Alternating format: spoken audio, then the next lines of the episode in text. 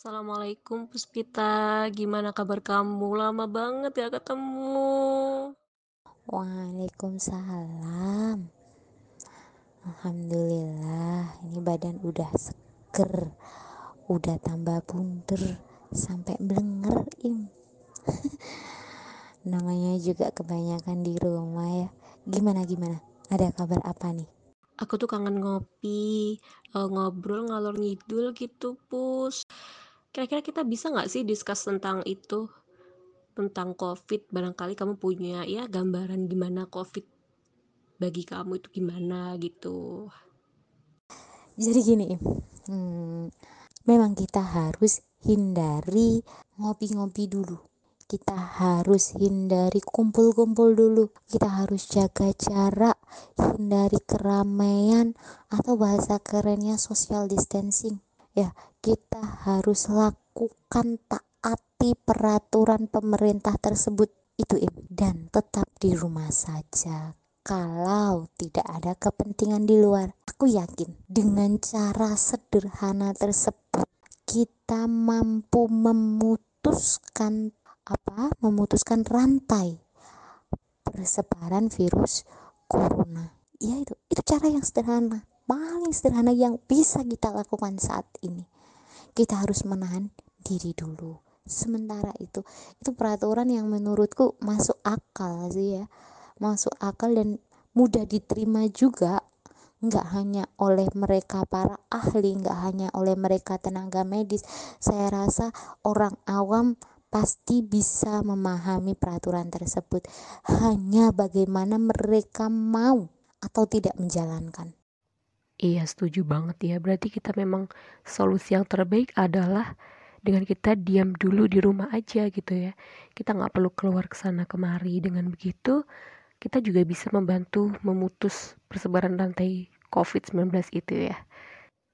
Oke aku juga mau minta pendapat kamu nih. Selama kita di rumah aja Kira-kira yang bisa kita lakukan lainnya adalah dengan kita pandai-pandai memilih dan memilah informasi yang kita terima misalkan dari grup WhatsApp gitu ya. Karena saat ini banyak banget loh informasi itu yang tersebar dan itu belum tentu jelas kebenarannya gitu kan. Kira-kira kalau menurut kamu gimana nih?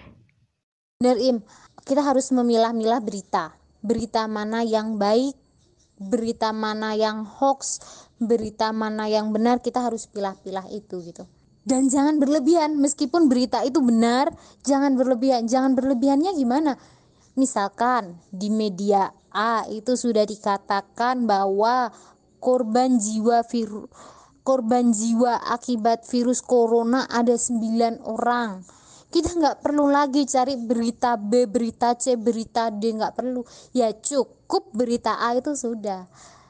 Dengan catatan kita sudah pastikan kalau berita A itu bukan berita hoax gitu. Ya kita udah milah mana berita yang benar. Setelah itu ya sudah berita itu aja yang kita pakai. Nggak perlu kita cari lagi cari lagi cari referensi lagi. Nanti kalau berlebihan seperti itu juga nggak baik untuk diri kita gitu. Yang ngerti batasan berlebihan atau enggak ya diri kita sendiri gitu ya Oke deh, siap. Akan aku lakukan deh. Oke, satu lagi nih. Kira-kira kamu masih kesal nggak atau marah gitu sama orang-orang yang sampai saat ini juga masih keluar rumah tanpa ada kepentingan yang mendesak ya. Lalu dan mereka itu juga tanpa menggunakan perlindungan diri misalnya tanpa menggunakan masker dan juga tidak menjaga kebersihan mereka. Kira-kira gimana sih menurut kamu? Kalau marah sama orang yang tidak mematuhi peraturan pemerintah, sama mereka yang sering keluar rumah tanpa pakai masker, yang enggan cuci tangan, enggak deh. Enggak perlu deh kita marah sama mereka gitu ya. Karena yang paling penting, yang paling penting diri kita dulu. Diri kita sudah mematuhi peraturan pemerintah belum? Sudah cuci tangan belum? Sudah pakai masker belum? Sudah jauhi kerumunan belum? Kalau sudah, ya kan, baru kita punya tugas, punya kewajiban untuk mengingatkan orang yang paling dekat dengan kita. khususnya orang yang satu rumah dengan kita bisa orang tua bisa saudara bisa temen yang memang ada lagi ngekos ya ya yang paling dekat dengan kita dengan begitu aku yakin uh, apa ya energi marah-marah energi kita itu nggak terbuang untuk marah-marah gitu apalagi saat ini Ramadan gitu ya. Jadi lebih baik nggak usah marah nggak usah peduliin mereka yang nggak taat peraturan pemerintah. Cukup lindungi diri kita ingatkan orang yang paling dekat dengan kita. Oke Puspita terima kasih uh, sharing-sharingnya ya. Jadi aku menangkap beberapa poin nih dari percakapan kita tadi. Yang pertama adalah kita harus di rumah aja agar kita itu bisa membantu memutus persebaran COVID-19 ini. Dan yang poin kedua adalah menyaring informasi yang tersebar dan tidak perlu berlebihan.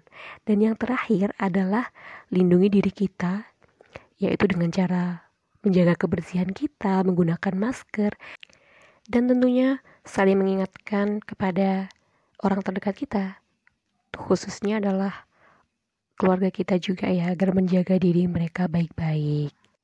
Jadi itu tadi adalah sesi sharing aku sama temen aku. Semoga juga bisa memberikan informasi yang bermanfaat untuk teman-teman semuanya. Dan doakan aku juga biar aku bisa kasih atau bikin podcast-podcast selanjutnya tentunya bisa kasih informasi yang lebih menarik lagi ya. Oke mungkin itu aja yang aku bisa bagikan ke kalian semua. Sekali lagi terima kasih ya, semoga kalian suka. Bye-bye.